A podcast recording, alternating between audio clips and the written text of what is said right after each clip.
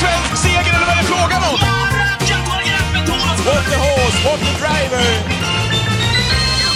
Välkomna till eh, en ny Travpodden den här veckan. I etern om en liten stund så ska vi ringa upp en, eh, ja men får jag säga en kille som eh, gjorde en ruggig lapp här i lördags. Ja, det gjorde han. Det var ju den här superjackpotten i lördags på Bergsåker med eh, 46 extra miljoner och omsättningen landade strax under 150 miljoner och man var peppad och laddad och hade pluggat och så vidare men sköt totalt bom kan man säga. Men en som inte gjorde det det var en av våra kollegor på spel och lekkontoret, Simon Helm. Han gjorde en unik lapp för 4700 spänn och lyckades pricka in 7 rätt och vann 852 000 fick han tillbaks på det systemet. 20 andelar. Mycket snyggt. Vi lyfter på hatten. Verkligen eh, alldeles strax alltså. Eh, och vi lyssnar såklart gärna hur han har komponerat ihop den här kupongen. Annars då David, eh, hur har veckan varit för dig och vad ser du fram emot den här veckan? Eh, ja men det är ju derbyt såklart man ser fram emot den här veckan. Det ska bli mycket spännande eh, att se.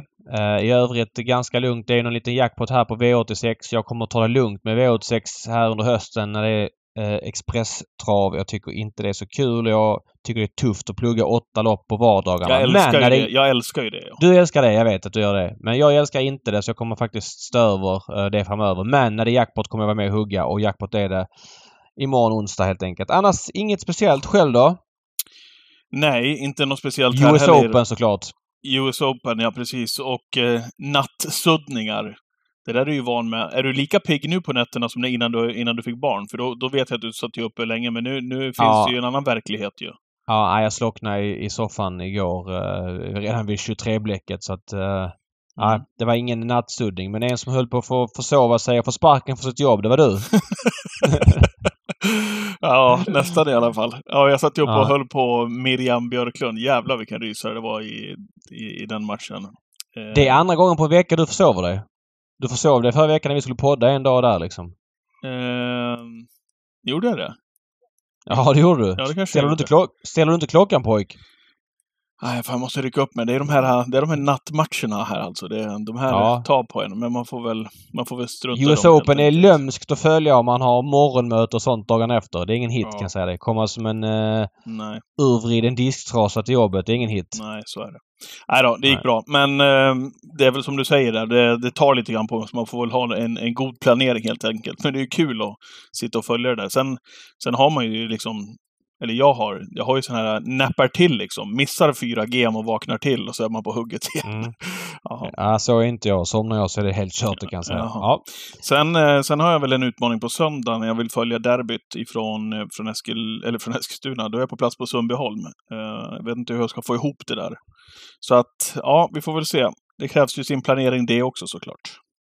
Men annars är det bra. Mm. Mm. Du förresten, Ja. du var inte på Bergsåker i lördags va? Du hade ju Perkins till start.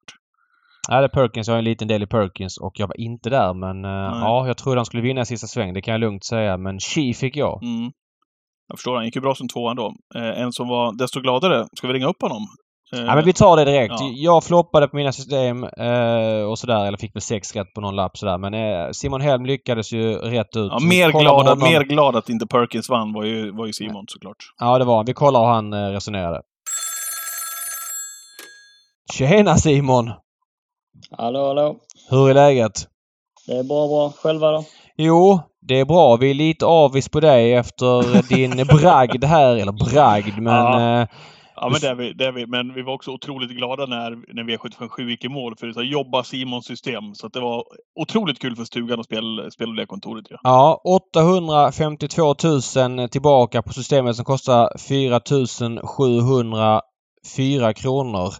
Eh, du spikar Comes With Age och Kendall Jackson. Vi ska säga att systemet finns på eh, Gavin Cabins Twitter och eh, Insta om man vill kolla på det. Berätta lite grann, hur tänkte du? Nej, men jag tyckte att eh, Comes With Age hade bra form och jag har jagat den ett bra tag. Eh, det var ju en snöplig förlust där på, på eh, Åby när han hoppade i sista sväng. eh, Men då var ju gubbarna i vägen som ni sa förut. du, du, du köpte gubbarna-snacket där? jag, jag köpte den. Nu Ja. var det inga gubbar i Sundsvall så att då Nej. gick jag på den. Ja. Och sen lät ju Magnus väldigt nöjd med Kendall Jackson så att eh, man hörde mellan raderna att det, det känns som en lite extra häst. Ja. Ja men svårare än så behöver det inte vara. Men... eh, Nej, det, och det håller jag med dig. Det var, det var bra leverans ifrån förra veckans gäst i podden, Magnus Djuse, som Ja, men han var otroligt inne på Kendall Jackson. Så att, eh, Ja, och han var- utgångsläget. ja, och det var inte bara Canada Jackson han var inne på. Han var inne på eh, No Limit Express som vann på ett uh, jätteimponerande sätt. Men det, eh, spikarna i all ära. Eh, det var ju grejen för det är ju i V752 1 Olivia CH 1 Mm. Den får du alltså med på sex hästar. Det måste du berätta. Nej men det var ju, det var ju låg klass på loppet. Även fast det var bra hästar så då gillar jag att ta de som har de mindre spåren. För en resa i, på innerspår, de loppen brukar lösa sig. Och, eh, Lennartsson han, han är ruskigt säker när han kör en lågprocentare också. Nu blev ju allting rätt eh, när Björns hoppade och han lyckades eh, komma ut där 300 kvar. Och, äh, det, blev, det liksom, blev liksom bara perfekt. Ja men så Jag är kommer, det. ihåg, jag kommer ihåg också att du har den där teorin Simon. Vi gjorde en Twitch-sändning här för några månader sedan tillsammans och du hade samma resonemang där med att plocka med någon på innern som var ganska så lite spelad som var med där framme och högg också. Är det liksom en, en take som du ofta tar liksom när du har när det öppnar lopp? Ja, precis. Och det, det märker man själv när man kör lopp att om man har en liten lågoddsare så brukar det kunna, kunna lösa sig när man väl sitter invändigt. Och, eh, nu gjorde det den här gången och nästa gång kanske den sitter fast men eh, denna gången så, så blir det bra. Men jag måste fråga där. Du, du hade den på sex hästar. Jag menar, var går gränsen för hur dåliga de får vara från spår ett? För om vi ska vara ärliga. Alltså jag eh, är imponerad att få med den och så vidare men den har ju... Jag kan köpa att det är låg klass på loppet men det är ju ingen häst som har visat i princip någonting. Nej, Eh, har att, ju att, vunnit med lågklassloppen. Ja men hitta, att du, du hittade, den vann alltså ett, eh, ska vi säga nu, nu vann den ett, ett vanligt lopp på Bollnäs här i juli och så vann den ett eh, punkt 21-lopp för Wäjersten på Danderyd och början av juli och, och sådär. V- Vad liksom du- tyckte det räckte det när det visat? Nu hade ni ju ett lopp i kroppen sa tränaren men jag vet inte vad som räknas med lopp i kroppen. Den startade 13 juli, 21 juli och så 6 augusti. Eh, vad är din take på det? Ja, nej men precis. Men nu hade den ju, eh, den kunde ju öppna rätt så hyggligt och det kändes som att Björn skulle ta ledningen med en startsnabb häst och jag hade väl hoppats att han skulle få ryggen på den men Berg han ju slinka ner där så det blev tredje in istället. Och, eh, läste man där i ronden så tränaren var väl, han, han sa inte att den var klar utan han hoppades på pengar men han sa att den, den var bättre än, än vad han hade visat. Och, eh, ja, jag fick lite feeling för den. Mm, nej, riktigt snyggt. Jo- Jobbade, jobbade du, hur, hur följde du V75-omgången Simon? Eh, avdelning 1, 2, 3 såg jag hästbussen för det var ju tävlingar på Eskilstuna. Så jag såg dem i hästbussen på vägen dit. Ja. Och sen, sen- så hann jag värma en häst och sen såg jag avdelning 4. Eh, så jag missade helt avdelning 7 faktiskt för då satt jag och körde lopp. Och det var dessutom Susaloppen Trott, liksom huvudloppet. Eh, Precis. Jag, de hade ju storbildsskärm på Eskilstuna så jag såg när de defilerade. Så att, eh, det var det enda. Okej. Och, och- och då visste du att du var med på V75 såklart inför det loppet? Ja, då såg jag Så- avdelning 6 i fikarummet på stallet där Mm. och sen kallade de till, till mitt lopp efter det. Så att, eh, Du satt ju bra på bra det kan man säga. Ja, men jag förstår det. Du satt ju bra på det med, om jag kollar här, 1, 2, 4, 6. Det var väl clickbait, Hail Mary, eh, Borups Victory och San Motör. Så du satt, ju, du satt ju bra på det inför sista. Skön känsla att åka ut och köra det loppet ju. Ja, mycket. Ja, men jag, jag, jag trivdes när jag gick ut ur fikarummet där. Eh, hur kände du där i V75 7 då? Många gick ju på Samotör eh, men du tog med fyra hästar och fick med Hail Mary. Berätta lite grann hur du tänkte där. Ja, men jag, det känns som att klicken skulle ta spets för han, han följer bilen såklart. Och, eh, Hail Mary var ju grym i Åberg så eh, Victory var också grym i jubileums eller Margaretasloppet där. eh. Mm. Och eh, ja, sen Samotör var ju klar att ta med också. Jag tyckte det, det var ju helt stängt med, med de fyra. Mm. Och du fick ändå med clickbait där på samma premisser som kanske Olivia CH där på att det var innerspår och att han kanske kunde få en lucka. Ja, precis. Sen är, sen är klicken min drömhäst att köra lopp. Han måste vara helt underbar att köra alltså. Lite intressant där. Hail Mary eh, ger alltså 815 000 för, för eh, sju rätt och var 25 procentare. Clickbait är alltså 2,8 procentare, ger 3,3 miljoner. Ganska underbetalt för honom. Alltså nu vet jag att de 2,8 procenten är ju inte relevanta på kvarvarande system men det är en fingervisning hur han var spelad. Han rensar ju inte så mycket på kvarvarande kan man ju lugnt säga. Nej. Alltså Boobs Victory ger 2,7 miljoner och är 8 procentare så det skiljer inte så mycket med de två egentligen. Du, eh, den obligatoriska frågan. Hade du en andel själv? Jag hade en andel själv, ja. Det är mycket snyggt. Och eh, övriga hur många grattis har du fått i veckan? Det var ett unikt system ska vi säga, så det var ju bara 20 andelar. Visst hade din brorsa en också? Precis, brorsan han klappade en och pappa skulle ta en på morgonen men då var de slut så han var ju lagom nöjd. Men han, han var ändå glad för, för min och brorsans skull. Ja, det är klart. Hur, hur, är det någon som har hört av sig i övrigt? Någon av de andra eh, 18 eh, andelsinnehavarna? Ja, men det har kommit lite grattis och det, det är jäkligt kul när man får, eh, får dela den glädjen åt andra. Mm. Eh, när vi ändå har dig på tråden och pratar V75. Det är din gamla hemmabana Jägersro som kör på lördag. Har du hunnit kolla listorna? Jag har smugit lite och har väl hittat en som borde kunna spåra runt om. Det här är en klassiker. Det är när någon har vunnit mycket pengar så ska de lov komma en vinnare till nästa vecka. Det är liksom världens mest otacksamma jobb. men, eh, men vi måste göra så. Vem eh, väljer du att lyfta fram? Eh, Där säger jag Larry Wood i sista. Det känns som att den ska kunna leda runt om och trilla ner i nedförsbacken. Man har inte bommat att spår 1 är ditt favoritspår i alla fall. Nej, precis. Du, eh, när vi ändå har dig på tråden. Du jobbar ju tidigare för Kristoffer Eriksson. Eh, Du har jobbat hos Marcus B Svedberg ett tag. Hur trivs du där?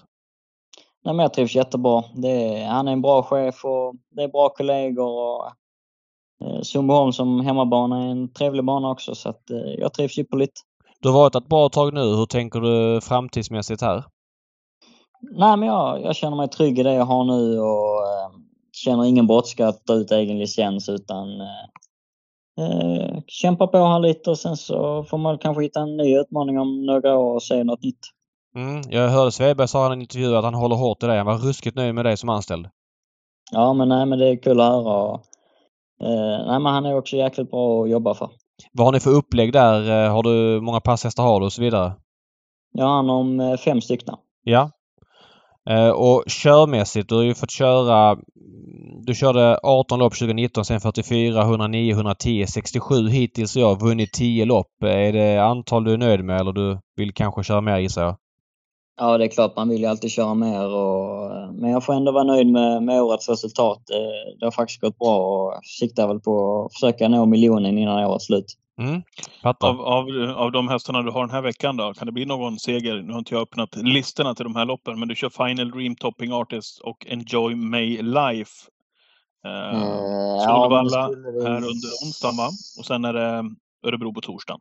Ja, precis. Det skulle väl i så fall vara Topping Artist, men det är, det är spår 12 på Örebro 1600 så att eh, men han är bra hästen och blir det körning så, så har han alltid en bra sport. Hade det varit ett hade det varit lugnt. Det har varit stenkul. ja, det är bra. Ja men jättebra Simon. Eh, kul att höra hur du resonerade. Stort grattis till vinsten. Och ja, vill man köpa dina andar så kan man göra det på Spel och lekkontoret. Det är ju jackpot V86 här onsdag och eh, V75 på din gamla hemmabana Jägersro lördag och söndag. Vi håller connection Simon. Sköt om dig. Det gör vi. Vi Toppen. connection. Tack, Bra. tack. Härligt. Hej! Hej. Mycket. Grattis. Hej. Yes. Eh, vi eh, kan väl... Ska vi ta en liten sväng kring Bergsåker, V75 där? Och vi börjar såklart med storloppet tycker jag. Där eh, Hail Mary vann. Det var ju San Motör som skulle vinna det där enligt alla! Enligt alla, alla, alla, alla. Ja, inte enligt dig, men enligt mig skulle han det. Mm. Enligt Ja. många då. Mm, vad tyckte du? Eh, jag tyckte att, eh, nej men vadå, vad ska jag säga? Det är väl klart att eh, han var klart sämre än normalt samotör. Det var väl grejen i loppet. Men jag tyckte även att Hail Mary inte såg lika fin ut som vanligt måste jag säga. Jag tyckte han var betydligt stötigare i travet. Snackade faktiskt kort med Örjan efter loppet. Örjan eh, tyckte väl inte det var något fel på formen men har känts smidigare och det tyckte jag man såg tydligt med blotta ögat. Ja. Och det är väl, om det, om det är så nu då, så mm, är det väl inte, det är väl inte helt... Det är väl inte märkligt efter det loppet som han gjorde i Åbergs och sen gå ut här att det liksom kanske sätter sina spår lite Ja, grann i alla både och. Han trivs ju med täta starter och har gjort sina bästa lopp liksom. Ja men Åbergs var han grym ju. Då kommer han ju från det här, den här väggloppet för många hästar. Eh, I i eh, Mikkeli och samma sak i Elitloppet. Dubbla hit och Svanstedt skickade ut den i tredje spår, 700 kvar. Liksom han satt i femte utvändigt och ja, han började bli lite rejält trött och sen var han ju bättre än någonsin i princip i Jämtlands stora pris två veckor senare. Kanske inte bättre än någonsin men gjorde ett av sina kanske fem bästa lopp den gången så att jag vet inte vad det berodde på men det, så är det med hästar. Det är svårt att, att de ska Ja. vara som bäst hela tiden. Men han var ju tillräckligt bra kan man lugnt säga. Han var ju väldigt Så säkert. var han verkligen. Och vi hade ju vår Twitch-sändning precis som vanligt. 13.00 lördagar är ni med oss, om ni inte har varit det tidigare. Och då gick vi igenom V75 och vi gick igenom det loppet också. Ehm, och nu är det ju vad det är. Jag spikade bara Hail Mary på ett av mina system. Men eh, vart ju, jag sa ju det till er, jag vart nästan halvt provocerad att det liksom skulle vara en enkel match för Sun Motör som det lät på väldigt, väldigt många tycker jag. Eh, att, vart har vi Hail Mary på topplistan i, i Sverige på bra hästar?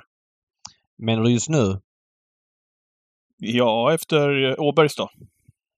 Jag tror att Francesco Zet är bättre. Jag tror att Samotör är bättre. Uh, och sen? Ja, sen är det nog han.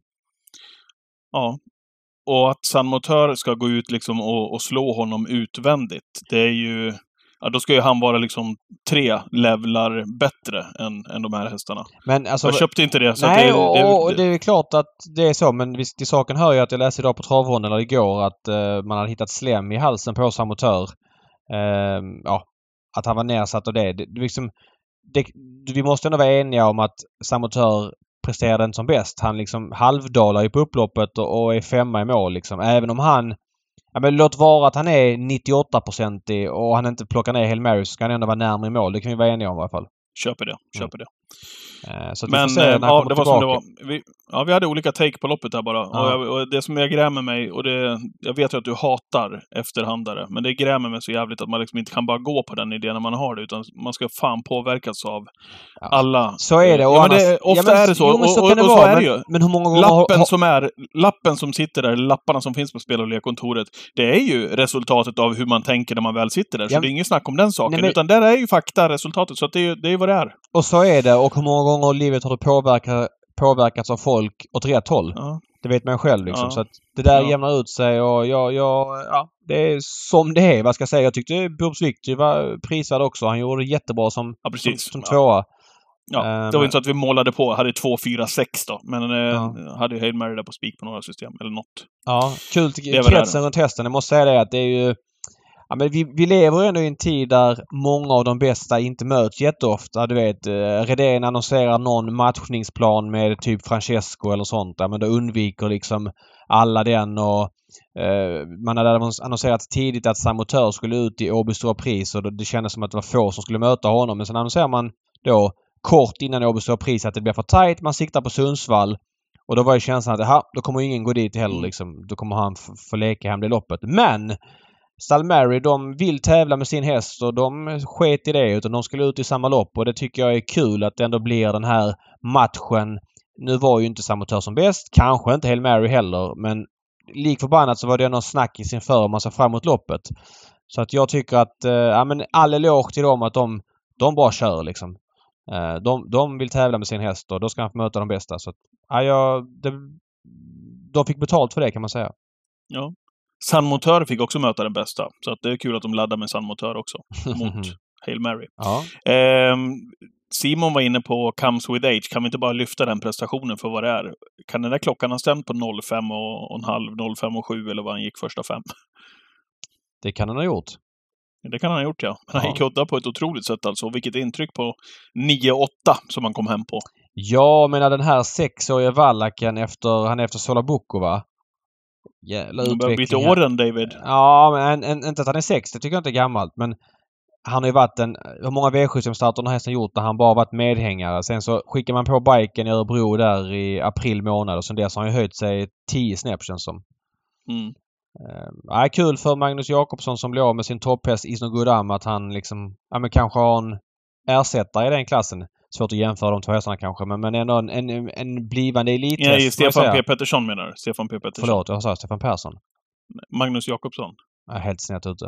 Han körde ju mm. senast Magnus Jakobsson. Såklart mm. Stefan P Pettersson. Mm. Uh, jättekul för honom. Så är det. Verkligen. Olivia CH, vi, vi släpper det för vad det är va? Grattis till kretsen kring. Ja. Uh, Pelle Lennart upp. Jag hade den vi... sist rankad kan jag säga. Och klev ja, av på all, alla system jag hade och mådde kroniskt illa. Det var lite kul. Jag var på landet med min sambos uh, familj. Jag hade kräftskiva där lördag kväll och ja men de är inte så travintresserade så det var så här liksom när de fattade att jag liksom burade in mig där hela förmiddagen för att plugga trav. Jag har sagt det tidigare. Jag kommer på kräftskivan men jag kommer vara borta fram till klockan fyra för att jag ska plugga trav. Eh, och så ja, men, gick jag ner och tog något att käka vid två. Och de bara, vad är det du gör? Så här, men jag pluggar till V75 så här, det är superjackpot. Ah, vi måste vara med liksom så här, och, och de var sugna på att vara med liksom. Så kom de fram till att ja, det var min ja, min syster, eller min sambo och hennes syster, två systrar med respektive och mamma med respektive. Och, ja, men vi lägger 500 spänn per par liksom. Och du vet hur det är, det är alltid press på det där. Så jag slängde ihop, slängde ihop en joker med spik, Jag hatar det där spik månlycke och spik samotör. Och ja, men garderade rätt mycket övrigt liksom med lite Mm. olika krav och så vidare. Och så borta på allt på två lappar. Mm. Och liksom, ja men du vet, de gick från att åh vi måste se första loppet, sen andra loppet, sen bara sket de fullständigt i det liksom och sådär. Ja, Såklart. vann vi någonting? Ja. Kan vi få någonting? Finns det någon Ja, chans att få någonting? Och så, ja du vet. Det var nästan jobbigare att man själv lirade för hur mycket som helst och klev av på allt efter två avdelningar liksom. Det, det kan man leva med men att, att, att svara på deras frågor i och med den besvikelsen, det var liksom Ja. en pers. Jag förstår det. Eh, och vi, ja, det var ju som det var liksom. Jag har svårt att få med Olivia CH. Då är det alla, men knappt då får jag med den för jag tycker den har varit så otroligt livlös. Jag tycker att loppet innehöll flera bra hästar liksom. Jag tycker ju Perkins Mm. som är delägare är bra. Ringo Adore är en bra V75-mästerklassen. Eh, Decathlon var med i loppet. Alltså vet det fanns flera som kunde vinna. Det var inte bara en, två som skulle floppa utan det var liksom en hel drös som skulle floppa då i så fall. Men så är det med trav. Eh, och när de har spår 1 så, ja, uppenbarligen så är det så. Det är en annan sak om man då jämför med till exempel i V75 eh, vad ska jag säga, V74 där Imatran var favorit. Där stekte ju även OMs farstep på allting. Eh, av den anledningen liksom att ja, men jag hade svårt att se den vinna och det var ändå liksom barfota fram och, och har gått anständigt ändå. Men spåret och, och förutsättningarna kändes knepiga. Så att, ja. Ibland gör man ju rätt många gånger när man tar bort sådana där hästar men såklart när de vinner man får sota för dem. Man minns de gångerna extra mycket. Sedan blev det seger i, för Per Linderoth igen. Jäklar vilken Ja. snurr han har Oj, fått oj, på oj, den här. Young Mistress. Som ju fick drömlöpning igen. Eh, utan att ha alla de senaste loppen på, på minnet. Känns det som att Young Mistress har haft marginalerna på sin sida, även om hon är i ruggig ordning alltså. Men det känns ju som att det kan väl knappast lösa sig bättre än vad det gjorde nu i alla fall. Hon Bara gled fram där eh, och liksom fick komma fram och, och koppla greppet och utnyttja sin speed som hon har. Ja, så är det. Um, och ja, men jag vet inte vad som hände där med i Matraham för hon var ju lite ur bild och jag läste någon som skrev att hon hade gått 10 ett varv eh, mitt i loppet och så vidare för att komma fram. Det var ingenting man direkt såg av så den spontana tanken var ju att hon var dålig som ändå hade fått ett bra lopp vad man trodde men inte räckte till.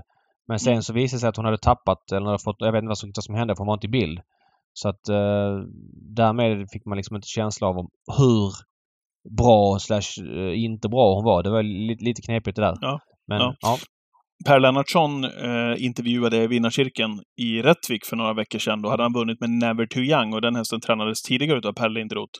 Då berättade han det att, vi, att de har ett otroligt skönt samarbete med ägarna där. Mm. Ehm, där, där Per Lennartsson då säger till ägarna ibland att ah, men nu har jag kört fast här, till exempel som en Young Mistress. Mm. Ehm, flytta upp henne till Per, så, så Linderoth då, se om hon kan utväxlas och hitta nya växlar där. Ja, så gör de det. Och så likadant då med den här Never Too Young som gick från, från Per Linderoth till Per Lennartsson och Mm. vann direkt Det är ju så det ska vara ju. Ja, vad, vad kul när man hör att ett sånt samarbete funkar och man liksom Ja, men det är Per Lennartsson och, och Per Linderoth tillsammans med ägarna hittat ett bra koncept. Känslan är ju att eh, Per Linderoth lyckas ganska bra men när han får in vettigt material. Han fick in den här eh, från Courant från, eh, som hade varit hos Adam Colgjini. Eh, vet du, Invincible Sun. Mm, och sådär. Nu, nu ska man ge Colgjini en eloge som inte hade dragit några växlar vilket gör det såklart tacksammare att få dra växlarna själva. Men känslan är att han har höjt sig hos Per såklart. Som det, det ofta sker med regibyten och ja, den är en fint stammad häst och den här är också uppenbarligen fin. Han har ju lyckats bra med ett par av de här bättre hästarna han fått in i alla fall. Ja, verkligen. Det känns som att han gör... Han har inte så många hästar på, på listan, men det känns som att han har... Han lyckas bra med många, som du säger, som han, som han har i träning.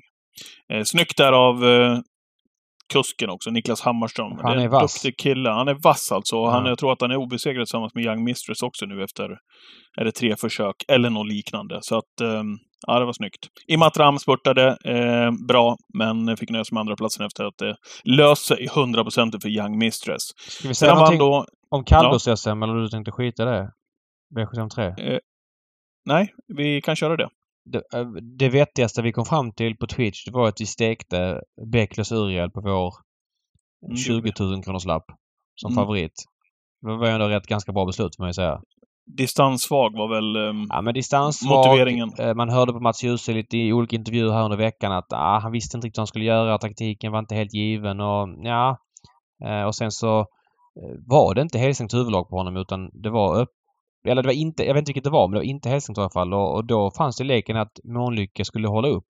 Nu vet jag inte vad som händer efter 150 meter. Gunnar har ju i princip avgjort spetsstriden men Mats bara skickar och Gunnar bara tar upp. Mm. Eh, Det såg lite märkligt ut måste jag säga. Men eh, lik förbannat så var han stort slagen med Bäcklös Uriel. Så att eh, ja, det var väl något rätt man gjorde i alla fall i så fall. Magnus A. Djuse, förra veckans poddgäst som vi var inne på nyss med Simon, vann en dubbel No Limit Express och Kendall Jackson. Det var ju eh, väldigt eh, uppåtgående toner kring den Ja. duon. Och så Hail Mary har vi redan tagit hand om. Var det någonting annat ifrån eh, Sundsvall Open trots som du vill landa in eller är du klar där? Nej, jag är klar där. Eh, Det var väl, ja det var väl det hela. Vi får se lite grann vad som händer matchningsmässigt nu. Jag såg, vet han, Bernt Arvidsson va? Sa där i den Ron-intervjun att eh, man siktar ju på Solvalla den här Grand European Grand Circus-finalen som tidigare hette Masters Trot. Där... Eh, Håkan, menar du Håkan Arvidsson? jag helt slut i huvudet. Vad säger jag? Bernt Ja, Arvidsson? men du vet, det, jag, jag såg också det att... Eh, har jag fått en stroke här- eller? Nej, jag tror att det är den här kräftskivan som du var på. För Ja. att jag såg eh, otroligt luddiga bilder därifrån. Nej, det var ganska lugnt. Sent på Instagram när du sjöng någon nå låt, eh, kräft... eller vad heter det? Snapslåtar. Visst heter hans Ja. pappa Bernt Arvidsson? Eh, ja, precis. Tyvärr eh, gått bort då. Ja. Men eh, Bil-Bernt som hade otroligt fina hästar på sin tid. Ja. Ja, skitsamma. Eh, Eh, Håkan. Arvidsson sa att det blir... Eh, det här Vallaloppet är inte avskrivet. Det är sju veckor dit. Men han var tydlig med att det kanske inte blir något lopp innan och vi får se vad som händer med Samotör. Hail Mm. Mary är väl också inkvalat i loppet och där gissar jag att man kanske trycker till honom ett lopp innan så han får de här täta starterna igen. Det kan bli ett jävla race. Vi får se. Det är flyg från Liège också så det lär komma någon fransk ka- kanon. Mycket nice. Inget mer orangerifester, kräftskivor för dig. Du satt där på Twitchen i en orangeri. Alla Ja, det gjorde jag. I växthuset. I växthuset. Otroligt, Precis. otroligt fint. Precis. Eh, en kortis kring Danmark bara. Mikael Lundborg som hade en kanonvecka eh, som vann derbyt och storderbyt. Stort grattis till Mikael Lundborg. Kommer inte ihåg David, var du redaktör på den tiden när eh, Mikael Lundborg kom fram som en eh, ung eh, lärling. Eh, otroligt duktig pilot väl? Fick chansen av Hans Adielsson eh, väldigt ofta och var väldigt duktig i sulken. Ja, jag vet inte om han var lärling men vad jag vet Nej, däremot... kanske inte. Jag tror det. Ja, så här var det ju att Jo, det var han. Jo, det var han. vi, var, vi hade en häst som hette MTMT. Nu ska jag bara kolla här så jag hittar den. I, eh, Tricky Woo hette mamman.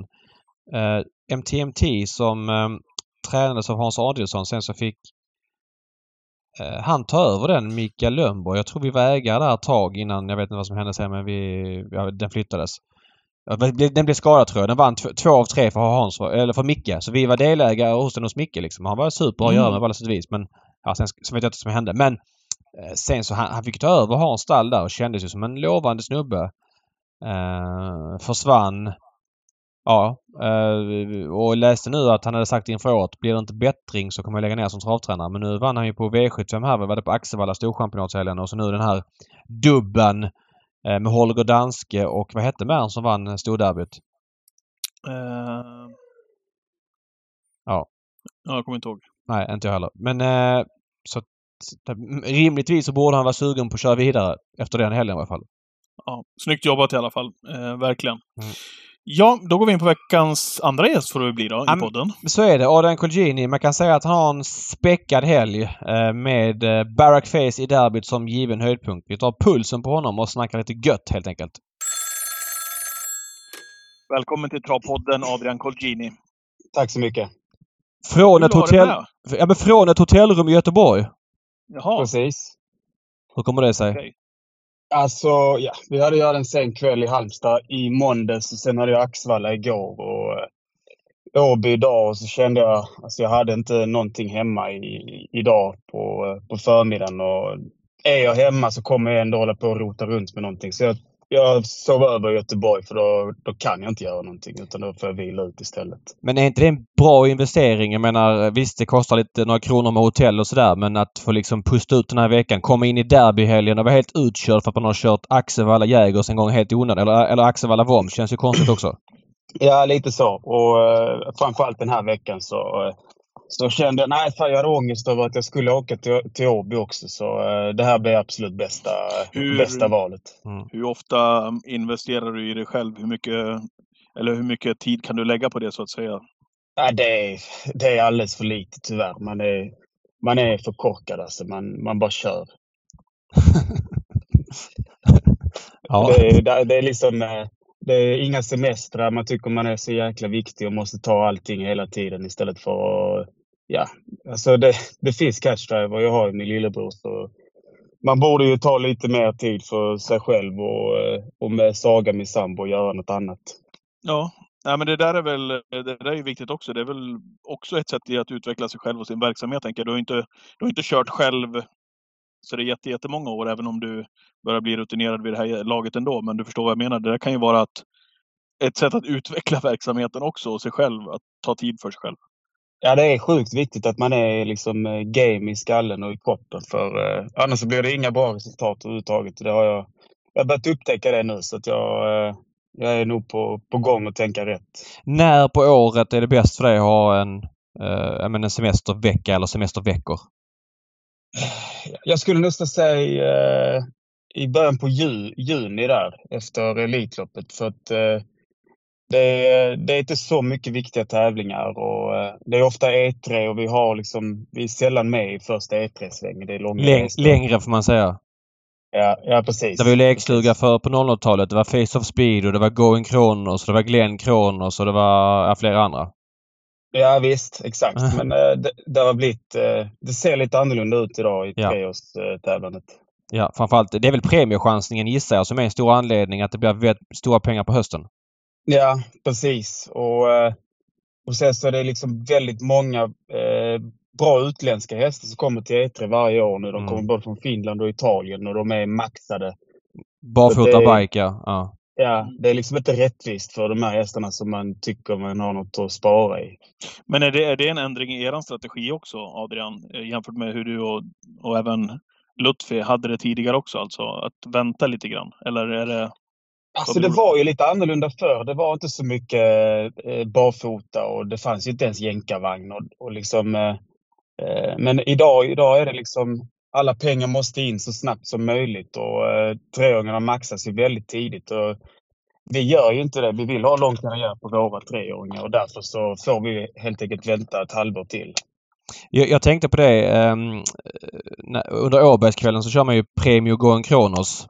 Eh, det här treårsloppet som numera är Breeders Course. Och det är ett insatslopp ska vi säga. Eh, och det, det påminner lite om treårseliten, Elitloppshelgen numera. Det är väldigt mycket utländska ekipage. I det här eh, Premio Going Kronos, alla går med jänkarvagn. Det är en häst två hästar med skor runt om, alla andra på någon form av barfotabalans. Så ska man springa en 10-tid med en treåring. Tittar man historiskt i det här loppet, eh, det är ju väldigt få av de här som dyker upp som framstående fem och sexåringar. Ja, alltså Och, och, och ni var inte med i år ska sägas.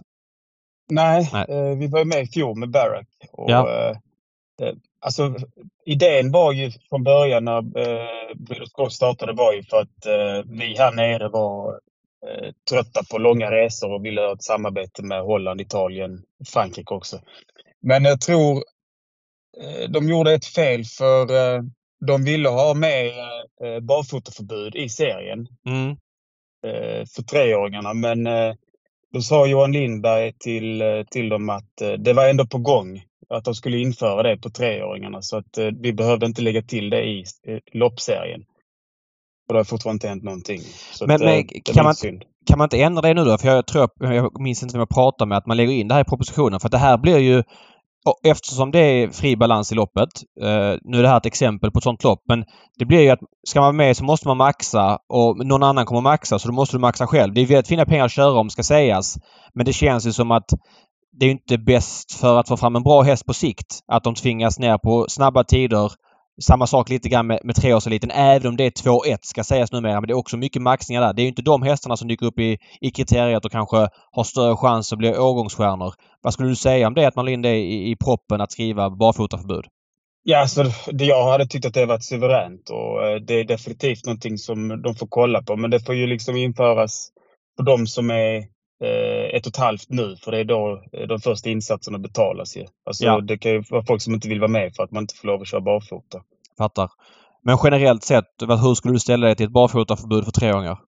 Ja, alltså det hade varit eh, klockrent. Eh, Fransmännen åker åtta runt oss och eh, de har barfotaförbud på treåringar. Jag tror inte att det, det är en slump.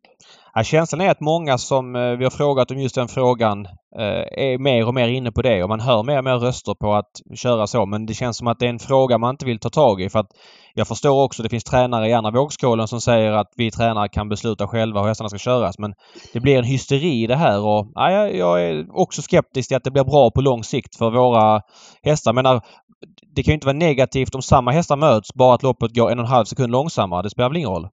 Nej, alltså det, man ställer sig frågan vad tjänar vi på att köra barfota med treåringar? Nej. Alltså, vad, vad tjänar man på det? Eh, nej, jag, jag fattar liksom inte vad problemet är. Nej.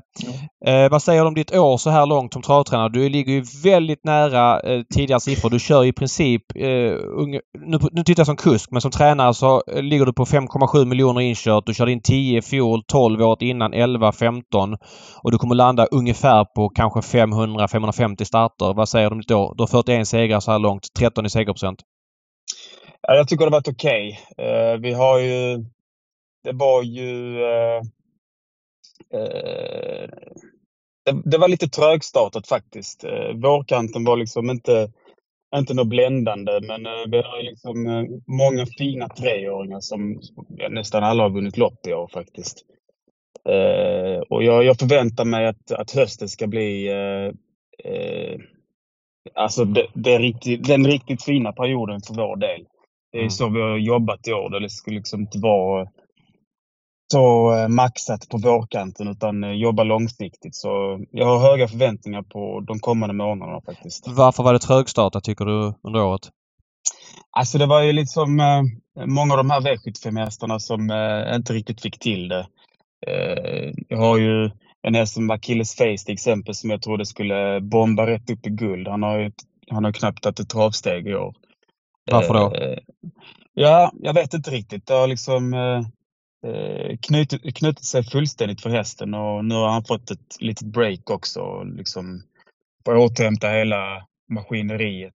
Eh, och se om han eh, se om han rättar till sig lite grann för att eh, han har så grymt mycket kunnande. Men eh, det är väldigt frustrerande med en sån häst. Mm. Jag tittar på lite på dina siffror också tidigare under året. Känslan är att jag hade en känsla av att du hade kört som kusk ganska mycket galopp i år. Eh, mer än tidigare. Och när jag kollar på siffrorna på 291 uppsittningar så är det 32 galopp eh, på dig som kusk. Va, vad är förklaringen till det? Ja, alltså. Jag vet egentligen inte. Jag kan inte riktigt peka på varför, men eh, det är klart man kommer in i lite sämre perioder, både, både med hästarna och eh, även när man själv ska prestera. Sen, eh, sen är det också så, alltså. Man kör ju, jag kör ju jämt på max. Jag chansar liksom eh, eh, för att skaffa position. Och istället för att safea och, och bli trea så, så vet jag att jag måste köra på max här in i första sväng om jag ska vinna loppet. Och det kostar en del galopper på vägen också tyvärr. Och Det där, man, man får väga in det lite. Mm. Rakt nedstigande led. Men det där är intressant för att Konrad fick ju den frågan också. Han körde ganska mycket galopp här för något år sedan. Och då sa han att dels som du sa att han körde med, med mindre marginaler, vilket andra kuskar också gör. Men han pratar om att han ibland inte balanserar hästarna. Typ han un- försöker undvika käkrem och sådär. Och, och då, då sa han att då tar jag hellre någon galopp extra mot att de får gå lite friare. Vad säger du om Ja. det snacket? ja, alltså det, så är det ju. Och Det är, ju- kör nästan aldrig med, med käk på hästar. Han älskar att köra utan. Och jag har frågat honom varför också. Det är, han, han älskar verkligen det och de löper ju friare. Men eh, det är inte anledningen till varför jag har fått mycket galopper. För vi har käk på alla våra hästar. Så nej, det är... Det är eh, jag vet inte riktigt. Nej. Men du, du Eh, sa här att ni har siktat på hösten. Visst känns det som att hela ert stall har en, eh, jag menar, en klar formhöjning mot kanske tidigare under sommaren? Ja, de har gått eh, väldigt, väldigt bra. Vi hade ju tyvärr sjuka hästar i... Eh, eh, vi hade ett stall på, på 16 hästar där det står riktigt, riktigt fina hästar som var helt ute ur leken i nästan två månader.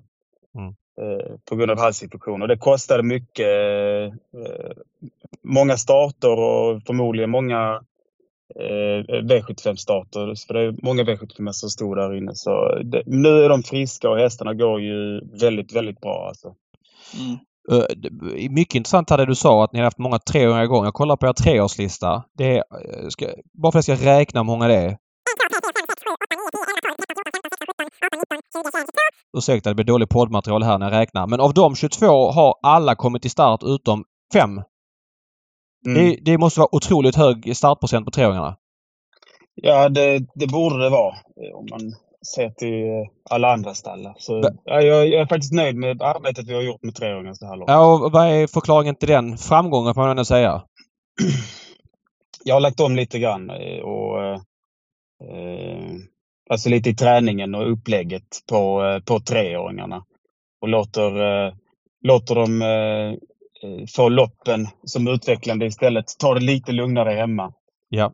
Eh, Arbeta mer på, eh, på styrkan och få, få dem att utvecklas av loppen. Och då, de har tagit det rätt hästarna. Och då, näst, jag vet inte hur många av de startarna som har vunnit men det är inte många som, som inte har gjort det i alla fall. Hur, hur funkar en sån dialog? Men din pappa har ju ändå varit eh, enormt framgångsrik med treåringar. Eh, om, man, om man går tillbaks 25 år i tiden då med, med Viking Kronos som given höjdpunkt men även flera E3-segrar. Han har vunnit kriteriet med Ramirci. Han har haft ja, helt enkelt många bra treåringar. Hur bollar man en sån sak när du känner att jag vill testa den här grejen för att få kanske en högre lägstanivå? Ja, han bara säger, ja men gör det då. Det, okay. det är liksom, han, har, det, han har kommit över det där stadiet där han, eh, där han har eh, eh, liksom eh, tvångstankar att lägga sig i hela tiden. Ja. Vadå, var, det, var det så i början? Ja, oh ja, det har ju varit en process hela den här övergången. Ja. Och det är inte lätt alltså. Styra ett helt stall i 30, över 30 år och liksom eh, vara den stora bossen och sen bara lämna nycklarna till nästa gubbe. Det, det funkar Nej. inte riktigt så. Jag eh, smittades verkligen, jag sa det tror jag i förra veckans podd, av, eh, av Lutfi när du vann med Barack Face, uttagningsloppet där till derbyt. Av eh, hans glädje och genuina stolthet han kände. Som det kändes i alla fall i det ögonblicket när han blev intervjuad. Um, vad, vad, känner du kring det där när han är vid sidan av och liksom fortfarande har vad det verkar ett enormt engagemang för, för det ni gör framförallt i stallet?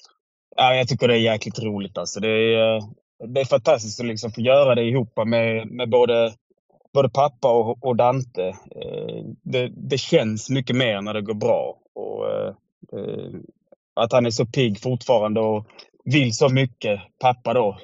Det, det... Så gammal är han inte. Han är väl född 59, 64 år så att det är liksom... Han har... Ja. ja men han har jobbat stenhårt. Det har han gjort. Det har han gjort. Det kan ingen ta ifrån honom. Ja, men så är det ju. Jag hade legat på soffan, det kan jag säga. Ja, okay. ja.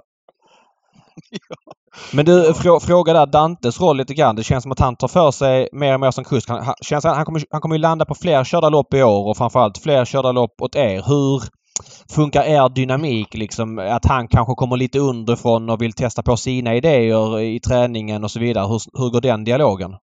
Ja, alltså han får, har ju fått över eh, hela tvåårsstallet. Så att, eh, och det, det sköter han eh, utan, utan att jag är med honom, utan det har blivit hans ansvar. Mm. Och han tycker det är jäkligt kul alltså. Så att just nu så funkar det väldigt bra. Vi har liksom ganska separata separata upplägg han och jag. Sen eh, får han dyka upp eh, i mitt stall ibland och hjälpa till att köra jobb när inte jag är hemma och sen eh, ja, vice versa. Men sen till löpkörningen så, alltså han har, kollar man på, på Dantes lopp som han kör, han kör fantastiskt bra nio gånger av tio men han kör ju för dåliga hästar. Ja, han kör mycket högoddsar. Det är ju känslan man har.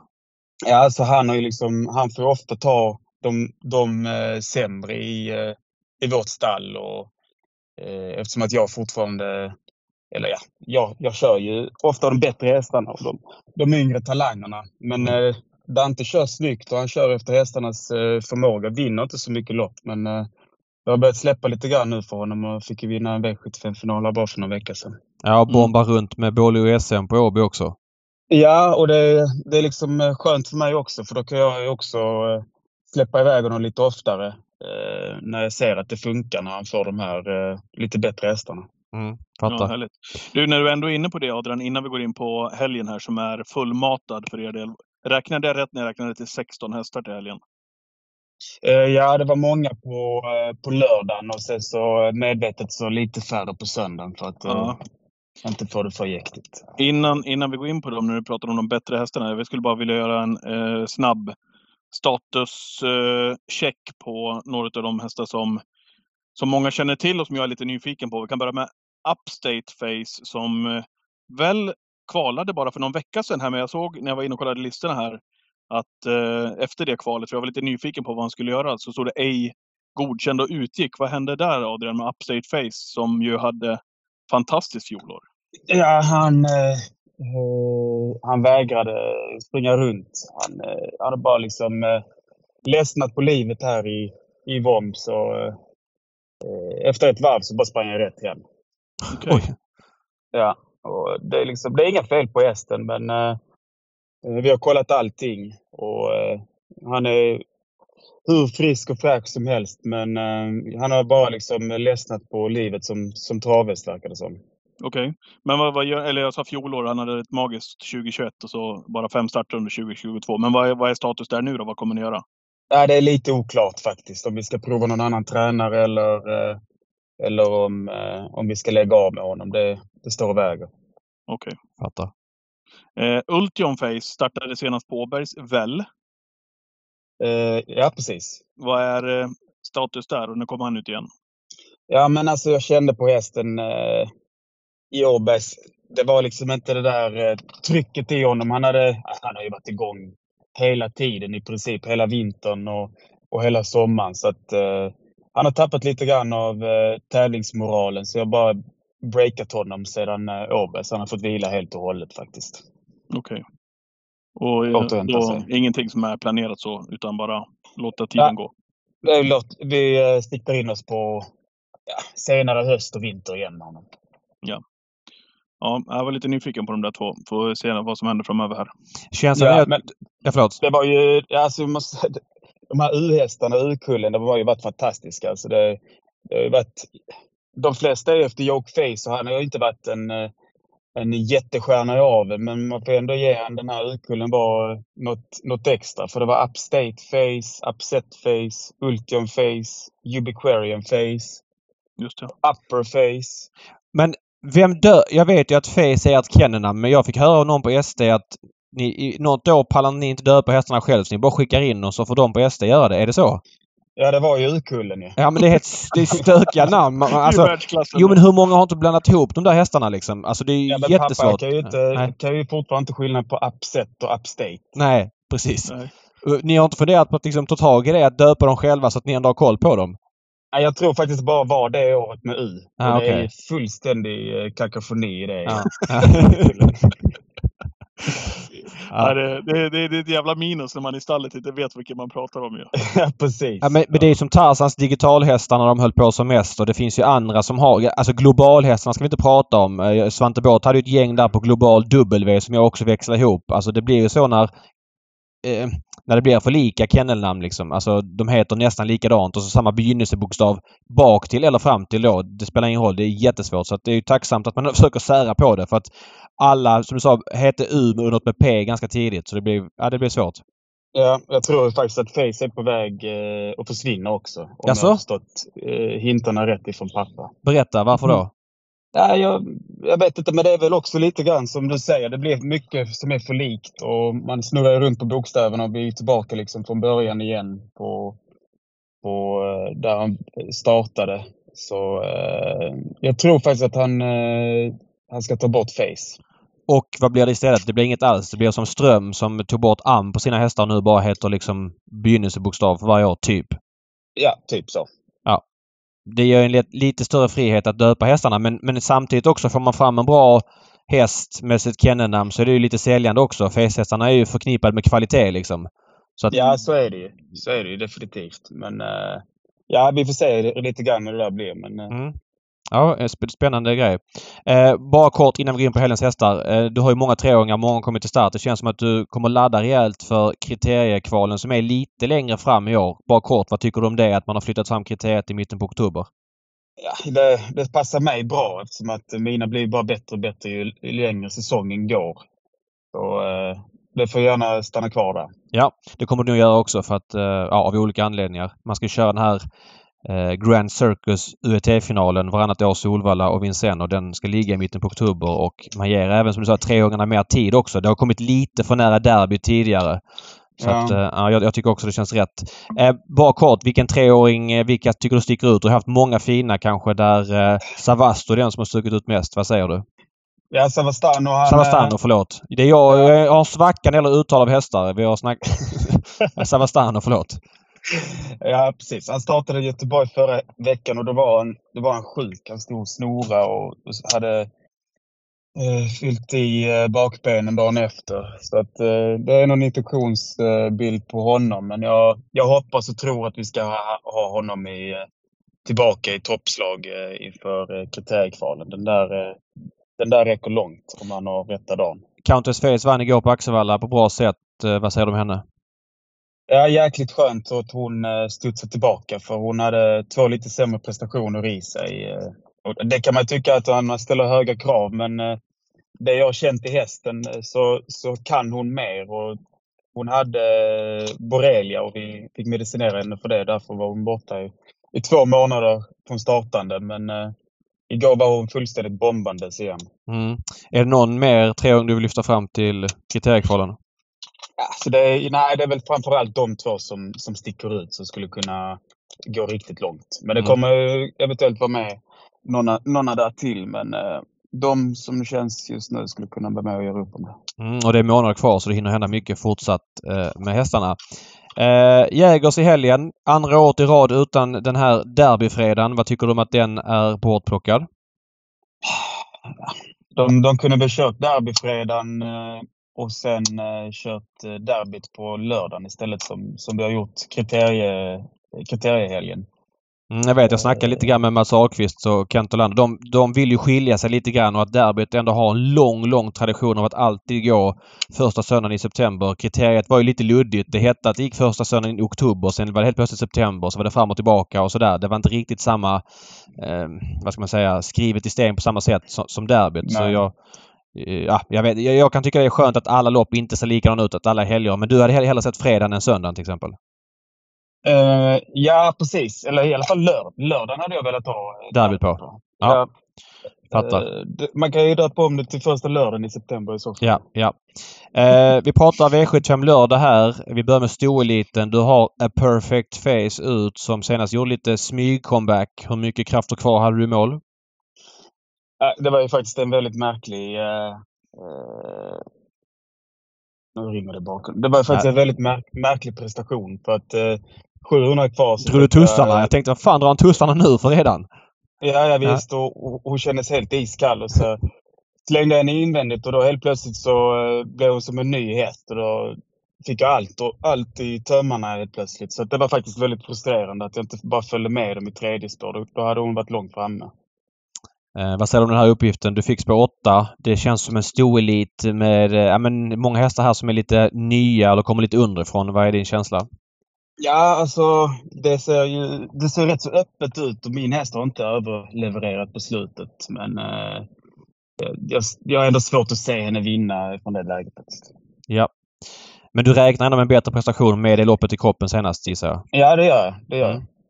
Eh, sen har du, kör du High Hope Lee åt eh, Lars. Nilsson. Du brukar köra den här hästen. Eh, den var med i ett derby kvar senast, eller storderby kvar ska sägas. Men funkar inte där. Men hon har gått ganska bra tidigare för dig på Halmstad. Bland annat i, i juni när du körde invändigt men hon fick sen lucka och hon avslutar bra. Är det en sån häst som man måste köra lite på chans?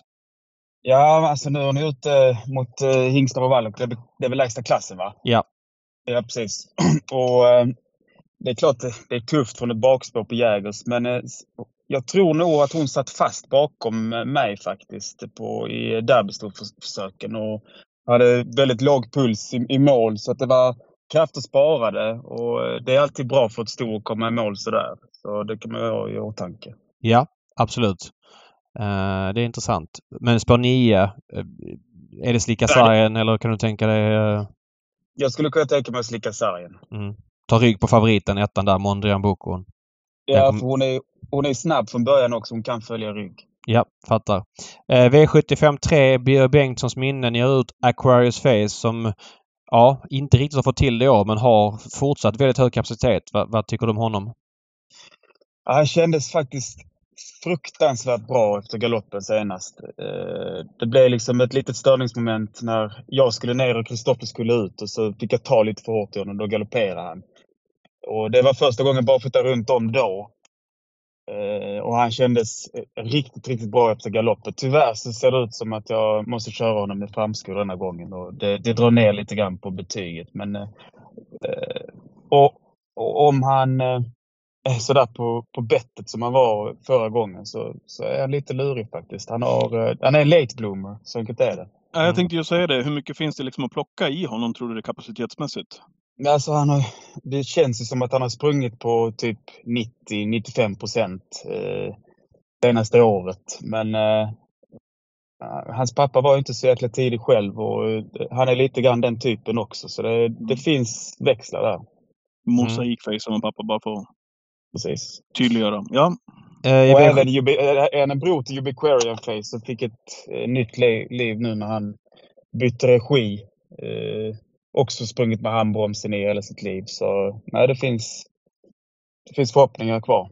Det är stort av dig att säga det att en häst som, som lämnar ens träning får ett nytt liv av miljöombytet kanske och allting. Det är ju inte... Jag, det är inte nej, alla som säger så. jag tycker det är kul. Ja. Uh, det, det, är liksom, uh, Ubiquarian har betytt mycket för min karriär. Jag vann ett kriterieförsök med honom och han var med nästan allting. Men och har varit en fantastiskt fin häst. Och det, det är kul att se att att han levererar och mår bra någon annanstans idag. Ja, och det, menar, det är hästar som lämnar Redéns träning och kan få en kick av miljöombyte där också. Så det där är ju åt alla håll och kanter liksom. Ett miljöombyte kan ju bara göra mycket i sig. Så är det ju. Ehm, precis så är det. Det, det ja, svårt att trolla som tränare men häst har stått på samma ställe länge liksom. Så, så det är inga konstigheter. Um, I V754 10 Shake som känns väldigt rejäl. Du har ett bakspår här men vad säger du om det? Eh, jag tror att det är rätt så bra för honom. Det är ändå lång distans.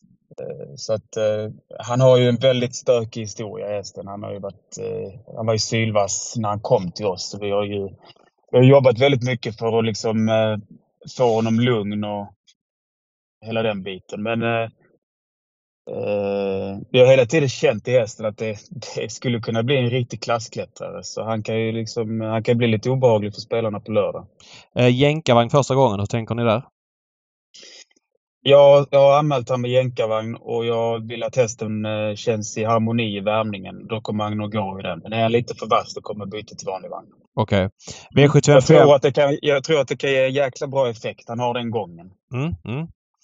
Eh, V755 10 Bolio SM som, ja, han är ju ojämn men när han väl är sugen på att springa och, och det funkar så är han väldigt bra som han var senast då för Dante på Åby.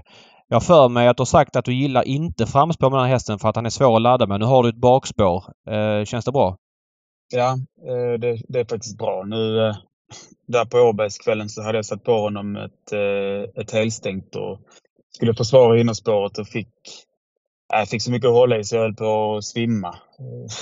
Mm. Så vi, vi fick öppna upp på honom senast och uh, han hade ju, det var en brutal uh, sista runda han gjorde faktiskt. Vad tänker du här från spår 10? Ja, uh, jag har inte hunnit läsa på det loppet speciellt mycket men det, det, det, är bra för mig att ha rygg från start.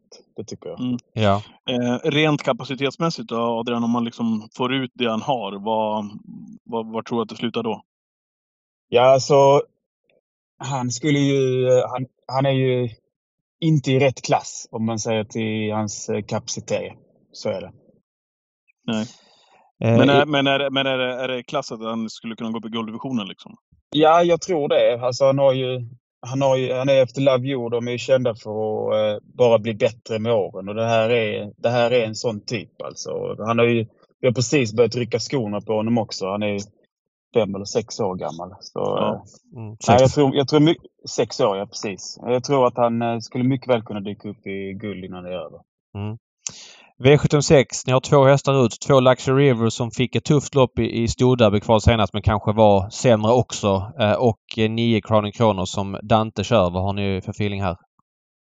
Ja, eh, eh, Luxury hon betedde sig lite märkligt i kvalen måste jag säga. För hon har varit... Hon har ju hela tiden haft tendenser att vara vass men eh, hela den där säsongen har hon varit väldigt harmonisk i, i loppen i alla fall. Men eh, nu tappar jag i ryggen eh, ut ur första sväng och då, då bara brakade hon iväg så jag kvävde henne helt enkelt. Så det kan man ju bara skriva till historieböckerna. Mm. Kronos då? Eh, hon är ju, det är en jäkla härlig med. Hon är alltid bra. Hon, hon är alltid på pallen i princip. Och, eh, hade inte fått smyga med. Eh, hon har en fin skjutare i 200-300 meter till slut alltid. Så eh, lite rysarbud, men jag tycker ändå att Luxury är hästen i loppet av våra två. Ja, Okej. fattar. Och sen eh, V757 silverdivisionen 5. En av de här U-hästarna, Upper Face, ska ut som Dante brukar köra. Vad har ni för take på den här hästen? Eh, varit borta ett tag. Gick ett bra lopp i våras efter uppehåll, men eh, det var lite klenare motstånd då. Så att, eh, att han ska vinna silver nu direkt, det, det tror jag blir tufft. Och dessutom ett litet vingel, vingelläge har han. Så jag ligger lågt där. Ja. Eh, söndagen, bara kort innan vi går in på Barrack Face. Du har, ni har ett par hästar ut på, på V7 där. Är det någon som sticker ut eller någonting som du vill nämna? Av övriga? De som är ute är Star, Star Cash. Där, därför sa jag att det var jänkarvagn första gången eventuellt. Eller det är anmält så i alla fall. Den känns rätt kapabel.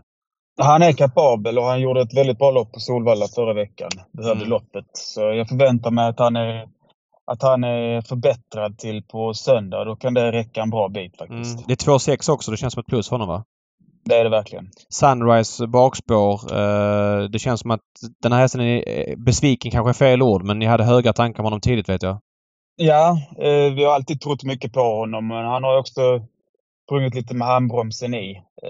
Jag, jag, han påminner faktiskt eh, rätt så mycket om, eh, om Dante Bocco. Han är kastrerad för inte så länge sedan, så när han väl börjar tävla då, då finns det mycket potential i hästen. Men nu har han ett skitdåligt spår, så att, eh, han får bara smyga med. Schysst mot honom att jämföra med en häst som tjänar 10 millar. ja, precis. precis. Ja. Ja, inga, inga jämförelser övrigt kanske än så länge. Men V756 då, Svenskt travderby.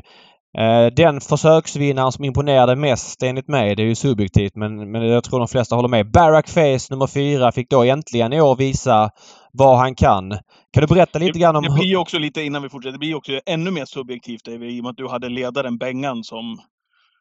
Ja, Ah, som men vadå? det om sig ju. Ja, fast jag har inga problem med att... eh, vad, vad menar du att jag ska... Jag att menar, det är jag menar subjektivt? med att du, Han gick nej, 12 och jag 1 från dödens. eh, Överlägset Ja, ja. snabbaste försöksvinnaren och fick typ det tuffaste loppet. Så jag, jag ja, tror- jag håller, jag håller med dig till 100 procent. Vad jag menar är att du hade nog kanske mer ögon på den här i det här loppet än, än kanske på övriga. Det är lätt att fästa sig vid den här prestationen som var fantastisk. Du hade ju ledaren, var det dit jag skulle komma. Nej, jag fattar. Du menar att jag blundade de andra försöken eller? Nej, men att du hade björnkoll på det här i alla Nej, fall. det hade det. Va- Berätta lite grann om hans år. Eh, Han gick ju 12 och 7 där på Valla Jag förra sommaren. blunda, ja. Ja, för- förra sommaren. Eh, Men sen har han inte riktigt fått till det i år. Han vann ju på Valla där i maj, men jag tyckte att han borde vunnit enklare sett till hur bra han var förra året. Hur ser du på hans år fram tills nu? Ja, jag håller med. Han var lite seg på Solvalla, men så klockade man om och han gick ändå 10 sista tusen. Så eh, det var nog att de andra var kanske lite bättre än, eh, än, vad, man, eh, än vad man trodde. Och sen så efter det loppet så har det i, i princip bara strulat. Eh, vi började med att köra upp i, eh, i Gocciadoros vagn tre minuter till start på Ja, Eskilstuna. just jävlar, Just det, det var den grejen ja. Och, eh, alltså, jag ska inte säga, jag ska inte skylla ifrån mig överhuvudtaget, men det var ju en jävla märklig grej för att jag var först ut i defileringen och först att provstarta. Så eh, kommer till bort och långsidan, men då har ju inte Gocciador defilerat utan han körde ju rätt ut på bort och långsidan. Så jag förväntade mig verkligen inte att det skulle vara eh, någon häst överhuvudtaget framför oss. Mm. Nej. Eh, och den smällen var hård alltså. Jag, hade jag upptäckt det eh, där och då att den var så hård hade jag aldrig startat hästen. Men eh, jag har sett om det och det, det är inte lätt för en häst att prestera när hon har ett halvt knä. Och det adrenalinpåslaget också som hästen får efter en sån incident, då, Mm. då ska man egentligen bara åka hem. Men, och detta var... För han startade två gånger på Eskils. Detta var alltså i juli va, när det var fyraårstestet? Ja, då var han ju trea för döden. Nej okej, nej det var det gången innan. Det var det gången innan. Det var ju då det Gången var innan, Ina ja. Scotts ära som flyttades till Eskilstuna. Precis ja. Ja. Och, och, och han var trea den dagen och gjorde det okej, men eh, eh, inte så bra som jag hade trott att han skulle leverera. Och det fanns ju sina förklaringar såklart. Okej, okay, Mm. okej. Okay. För där tyckte jag också att han var, alltså man har ju höga förväntningar på honom sett i förra året. Jag tyckte han var nästan, okej okay, säger du, ja men nästan dålig tycker jag sett till vad han gjorde nu liksom. Vad man vet att han kan. Men det finns Ja, ju kanske precis. förklaring till det då. Ja, exakt. Alltså hästen, han hade ju ont i det där knät och sen just det där adrenalinpåslaget som hästen får vid, vid sådana incidenter. Det är som att gå dubbla lopp nästan. Mm, mm. Och sen från Mantorp-starten fram till Jägers då. Har, vad, har, eller vad kändes bättre då? Eh, efter, efter starten menar du? Nej, efter Mantorp-starten, där hoppade han också ju. Det var väl Breeders där när det regnade som fan. Ja, men det var ju inte hans fel utan det var ju Rickard Skoglunds fel. Just det, det var den tajta situationen där. Ja, Just det, ja. ja, Just det. Som prejade ner honom. Ja. Racing incident. Nej, det var det verkligen inte. Rätt jävla slarv. Jag fattar. Ja, Så det, var, det var fruktansvärt frustrerande. För det har varit skönt för mig att få det kvittot eh, på att hästen var bra. För att det var han den dagen. Men nu fick han en galopp istället och man visste inte till 100 procent var man hade honom till derbykvalen. Exakt, det var min nästa fråga Adrian. Vilken känsla åkte du liksom ut med med tanke på de här, ja, det du berättar nu inför derbykvalet där han då står för, ja, jag skriver under det David sa, eh, dagens prestation. Ja, alltså jag, man, som idrottsman och eh, som, eh, som kusk till den här hästen så måste du hela tiden tänka på att du har bästa hästen.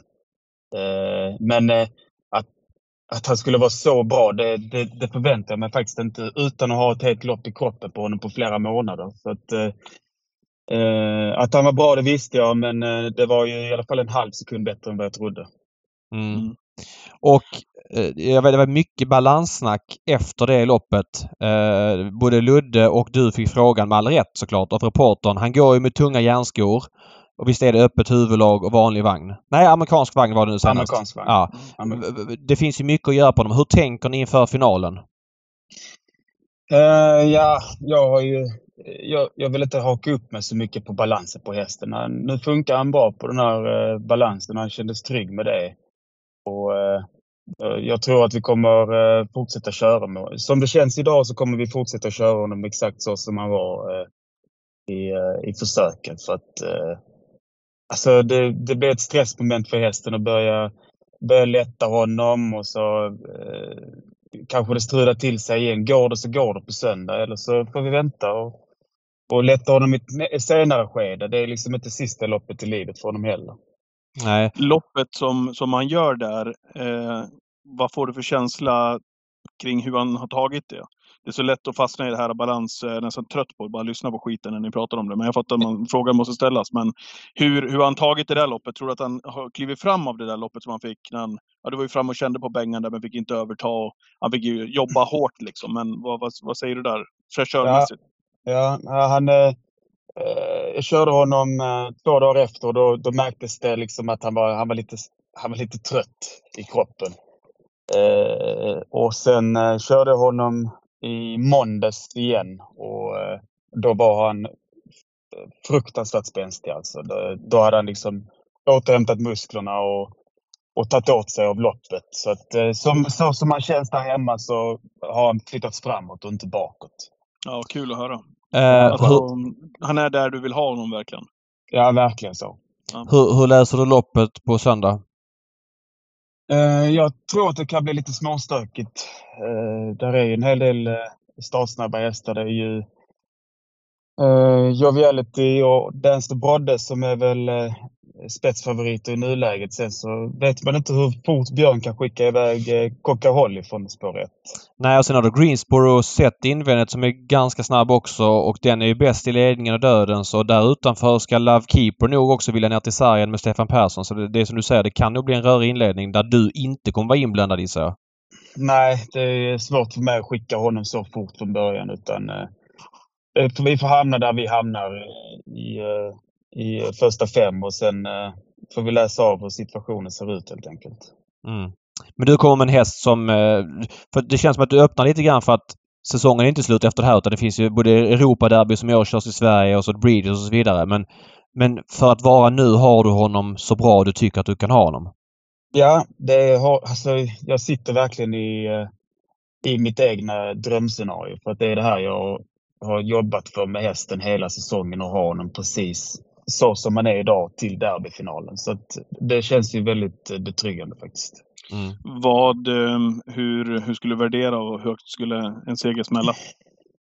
Alltså det är, det är solklar etta. Inget snack om det. Ja, det måste väl vara etta bland alla lopp i Sverige. Ja, Elitloppet kanske då, men, men uh, i övrigt. Ja, alltså det, är, ja. det är ju uh, Elitloppet och, och derbyt som är... Ja. Och lite kriteriet. Svensk... Ja, precis. Vi har ju kanske. tre svenska Grand Slams, om man kan kalla det det. Ja. Och det är de tre loppen. Ja, jätteintressant Adrian. Eh, det, det, det, från sidan känns det som ett riktigt roligt derby. Det, det finns ju flera ingredienser, flera som hästar som mår bra av att köras offensivt kanske, som kan göra lite jobb. Och det, ja, ja, ja, jag vet inte hur det här loppet ska se ut men jag vet efteråt att det kommer... Det är sannolikt att man känner jävlar vilket race det blev. Ja, jag hoppas att det blir så. För att eh, Det snackas om att det är en svag kull. Det tycker jag verkligen inte. Vi har en häst med i loppet som har tjänat 20 miljoner. Och, eh, många underdogs som är med och det, det ser riktigt öppet ut. Då brukar det bli, eh, då brukar det bli sevärda lopp. Mm. Ditt, eh, ditt drömscenario, det du sitter och fantiserar om nu, hur, hur skulle, vart, vart skulle du vilja ha Barack Face efter 500 meter? Ja, i ledningen såklart. Mm. Men Ja. eh, det, Det- ser, det det ser tufft ut. Ja, Mm. det ser tufft ut. Ja. Men eh, eh, det är klart att det hade varit eh, skönt att få ner honom i en anständig position, andra, tredje utvändigt och sen så kunna ha alla valmöjligheter kvar. Mm. Mm. Tycker du att han funkar bra? Alltså han har gjort väldigt bra lopp när han har varit liksom i ledningen dödens, framförallt dödens. Tycker du att han funkar lika bra bakifrån om det skulle bli tempo på det och du sitter typ tredje ut? Ja, det tycker jag verkligen. Han, eh, han har ju gått, han gick ju rätt, han gick ett sylvast lopp i eh, Breeders Course-försöket i fjol på, på Jägersro. Mm. eh, bakifrån. Så att eh, han funkar därifrån också. Men problemet har alltid varit att det, det pullas upp för mycket och då, då måste man göra något åt saken. Ja. Eh, Adam, kort bara innan vi släpper dig. Eh, det kom häromdagen en nyhet att Kristoffer Eriksson som har varit lärling hos er tidigare och är Jägersro-tränare tittar på att eventuellt flytta till Åby och ganska nyligen här under året har Konrad Lugauer flyttat delar av sin verk verksamhet till eh, Solvalla. Hur ser du på att Ja, dels tappar du två kollegor och konkurrenter. Vad, vad säger du om det här? Ja, det är inte bra för Jägersro. Det är, eh, det är, det är riktigt dåligt faktiskt. Och, eh, men jag förstår Kristoffer, för jag har pratat med honom om det och det, det är fruktansvärt jobbigt att vara egen tränare med, med en gård och allt som ska skötas och ekonomin. Och det, det tar på en. Och, eh, även när Konrad åkte till, eh, till Menhammar och får liksom eh, en helt annan service på, eh, på gårdsverksamheten. Han behöver inte köra traktor. Och det kommer inte Kristoffer heller behöva göra när han hyr in sig på en gård. Nej. Så att, eh, och sen, allting kostar mycket, mycket mer idag. Alltså ska du, han berättar för mig, eh, när han, bara han ska vattna banan kostar honom 500 spänn varje gång han, eh, han kör ut och, och vattnar den. Så att, det, det är svindyrt idag och det är fruktansvärt tungjobbat för man har inte råd att anställa folk till, till att sköta det. Så jag förstår hans beslut men det är inte bra för Jägers. Vem eh, sladdar banorna hos er? Alltså det är antingen jag, Dante eller pappa. Vi, eh, vi snurrar rätt så bra på det där. Ja, och då slipper man göra det hela tiden och då blir det inte lika liksom tungt så att säga. Nej, precis. Det är liksom, har jag varit i Eskilstuna en onsdag och, och då, då fattar de ju att jag kommer inte att gå upp på morgonen och Sladda banorna. sladda banorna. Nej, fattar. Så, Ja men svinbra Adrian. Ja, din, din, pappa har, din, din pappa har ju två gula kavajer i, i sin garderob men du kanske inte har provat dem än? Nej, inte än. Men Nej. jag vet om att den, e- den ena var jäkligt stor. Var det? Pappa, pappa sa i vinnarcirkeln, eh, det var ju när eh, Joke vann och Ja. eh, eh, Hultman hade one too many. Ja. Och eh, så eh, när han kom i vinnarcirkeln och tog på sig kavajen så sa han eh, Vad fan är det här? Har de sytt kavajen efter Hultman?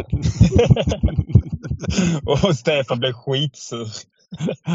ja, det, det, det, ja, ja, det är som det är. Jag tror han kan ta det idag Hultman. Ja, han har nog kommit över det. Ja, ja, tror jag. absolut. Det tror jag.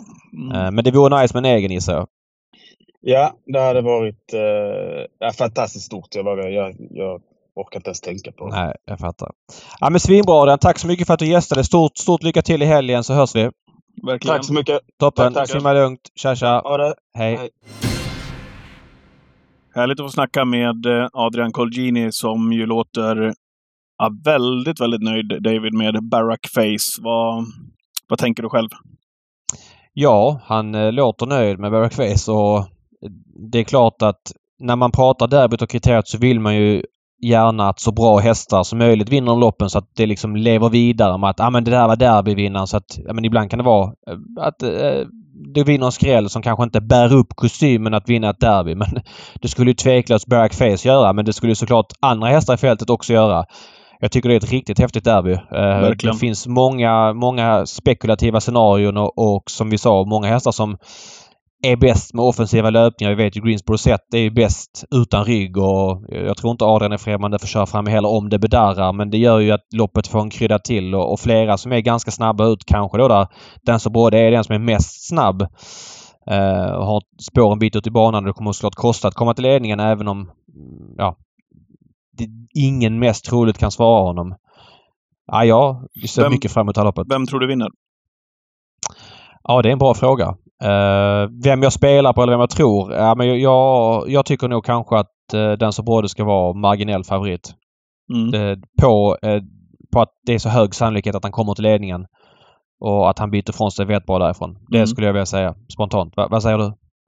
Ja, jag tror ju efter att jag följde försöken så tror jag att eh, våran gäst har supermöjlighet att vinna derbyt nu alltså. Det är, mm. Hittar han ner eh, så han slipper liksom jobba i tredje spåren och bli något tok liksom första 500 meterna. Så hittar han ner i banan, precis som Adrian är inne på, kan han, kan han sitta och vänta och få valmöjlighet att kunna köra fram kanske när läge ges, om det nu är Dense Brodde som sitter i ledningen. Eh, då tror jag att, att eh, jag tror att Adrian har en häst som kan plocka ner Dense Brodde. Det är jag ganska övertygad ja, men det, om. Det tror jag också. Det tror jag också. Ja. Det handlar mycket om vilken öppning Dense Brodde får och, och mm. sådär. Så är det. Sen måste han ju vara som senast, eh, eller kanske till och med lite bättre för att det ska gå liksom. Ja. Nej, jag, men, jag har feeling för att Adrian får vinna derbyt på, på söndag. Mm.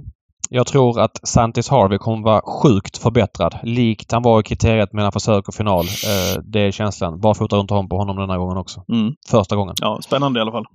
Mycket. Eh, och vi twitchar på lördag. Vi gör det klockan 13.00. Ni som inte har varit med oss, häng med och testa hur det är att vara med oss på Twitchen 13.00 när David också brukar ha senaste nytt. Hoppas att du har det på lördag också där David. Eh, försöker mm. samla ihop den information vi har så sent som möjligt in på spelstopp där också. Jag, jag, ska på bröllop där på lördag så att vi får bli lite kortare. Vi får köra en halvtimme bara. Ja, ja men det är inga problem. Vi... Vigseln börjar 14 så jag kan ta med mig datorn och streamutrustningen in i kyrkan. så jag måste nog bryta halv... ja, Nej, exakt. Vadå då? Ja, kan ni bara skjuta upp ja, vigseln här i fem minuter? Twitchar här bara en, en liten stund här. Det är Jägers ändå. Ja. Eh, men vi, ja, vi börjar 13, så är det. Så är det. Nu hiss och diss.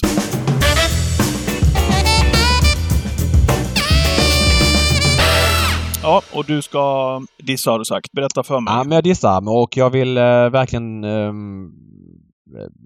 peka på en sak som jag tycker är lite intressant. Um, jag jobbade med Expressen tidigare, skrev ju travtips där och är bekant med flera av de som jobbar där. Och eh, Expressen har eh, på måndagar har man en punkt som heter eh, vad heter det? Pran Praneborg punktmarkerar. Mm. Det är alltså Tom Parneborg, förlåt. Parneborg punktmarkerar. Han, han, skriver liksom lite summeringar och så vidare i eh, klassisk kvällstidningsanda. Tycker till och, och, och har åsikter. Det, det är bara kul liksom att det är så. Och det ska man väl göra i den rollen också. Jag brukar inte eh, vara så brydd utan jag fattar att man vill sticka ut hakan och så vidare. Men det finns en grej som jag tycker blir slentrianmässig och jag tycker inte debatten får, får landa i, i slutsatsen han skriver. Han är inne på, på det här med att det var dansk folkfest eh, på Lunden och så menar han på att på Lunden märkte man att det var stämning på läktarplats. Enligt Facebook-maffian var det självklart på grund av att det fanns tuttoluckor. Det hade ingenting att göra med Tuborg, Pölse och att eh, det är danskarnas största travdag. Hur lång tid ska det ta innan det eviga köttet om tuttoluckor ska ta slut? Går man på trav för att hålla i lite cash i handen är väl ändå prioriteringarna sneda. Och eh, det är klart att man får ha olika uppfattningar om eh, tuttoluckorna mm, hos nu, vara nu, nu, nu trampar han ju på en öm tå hos dig där också. Ja men det, det, jag, det jag inte gillar det är att man drar en slutsats om hur andra ska ha sina travbesök. Uh, alltså att avsluta med att, med att, man säger att om man går dit för att hålla i cash i handen så är väl ändå prioriteringarna sneda. Alltså det är ju folk som har gått på trav i 30, 40, 50 år och är vana vid att göra en grej varje gång de går på trav, det vill säga går till luckan. Det är en del av grejen. Det har vi pratat om tidigare. Då kan man ju inte tala om för andra människor hur de ska ha sina travbesök. Jag tror att jag har full respekt att man kan tycka att eh, tuttoluckor inte löser så mycket och så vidare. Den debatten är, är sund. Men jag tror också att man måste förstå om man då är motståndare till att Eh, eh, folk gillar tutuluckan att den här debatten finns ju för att folk de facto saknar luckorna. Eh, annars hade inte folk pratat om det så här. Vi måste ju ändå kunna känna av att ja, men, travbanorna har ju tappat ganska mycket publik sedan pandemin. En anledning är tutuluckan. Absolut inte hela och jag säger inte att det står och faller på det men att bara negligera det och tala om hur andra människor ska ha sina travbesök. Då tycker jag att man hoppar över frågan och liksom dödar den lite enkelt. Så att det, jag, tycker det är en svårare fråga än så. Eh, så är det. Jag vet att Bengt Adielsson då som vann Dansk Derby med Holger Danska eh, skriver mycket om det här och för hans del får man ju då respektera att det är en stor del av hans besök av att gå på trav att, att gå till luckan och, och, och spela liksom. Att det är en social grej. Eh, det är väldigt många som jag känner som känner samma sak och jag tycker absolut att travbanan har tappat lite grann i liksom levnadsgrad. Det är lite mer död plats sen de här försvann. Så att, Lite inte mer än att bara gå dit och hålla cash i handen helt enkelt ju. inte göra den svart eller vit den frågan. Eh, Så är det. Folk pratar om det för att de uppenbarligen saknar det. Bra, eh, då hissar jag och eh, faller tillbaka till eh, något, ett ämne som vi har vidrört här vid några tillfällen och eh, det är hur man tar hand om loppen i, i sändningar. Och eh, då må, måste man eh, också verkligen, eh, betonar jag, eh, puffa och plussa för när när man upplever att någonting är väldigt, väldigt bra såklart. Och det gjorde jag i fredags när jag satt, eh, låg i soffan hemma och hade liven på på tvn faktiskt. Hela kvällen följde från Bergsåker. Och eh, vid flera tillfällen liksom, där man hugger tag i direkt eh, loppen går i mål så tar man fasta på det som var klon i loppet. Ett bra exempel är till exempel när Patrik Fernlund eh, vinner eh, ett lopp på V64. Han kört ledningen med Mercenary tror jag att det var. Mm. Och eh, Sune Hansen satt utvändigt och ledare med Fetter Tir eh, och hade, hade väl haft god chans att köra till ledningen ifrån den positionen kunde man gissa. Eh, men Patrik vred på i tredje eh, istället och var den som fick ta över ledningen och sedan vann loppet. Och istället då för att gå in och komma in i studion och säga så här, seger till Patrik Fernlund och Mercenary, så kommer det ett trött upplopp på 150 som egentligen inte säger någonting. 150 meter så visade man direkt klon med loppet. Här avgjordes det, Fernlund körde till ledningen. Precis så som man vill ha reserverat när man ligger hemma i tv-soffan eller följer tävlingarna från, från datorn. Så att eh, mycket bra eh, upphämtat och jag, jag har märkt av det där på flera tillfällen också på sistone. Mm. Ja, häftigt. Mm. Kul. Bra hiss. Bra. Eh, där har vi veckans podd då. Ja, det har vi. Ingenting mer att Eh, tillägga? Nej, det är inte mer än så utan vi håller connection. Eh, Ses 13.00 Twitch eh, lördag och eh, ja, ser fram emot en härlig derbyhelg. Mm. Punkt. Så är det. Kort och gott. Bra, Mm. vi hörs. Hej hej! Hej!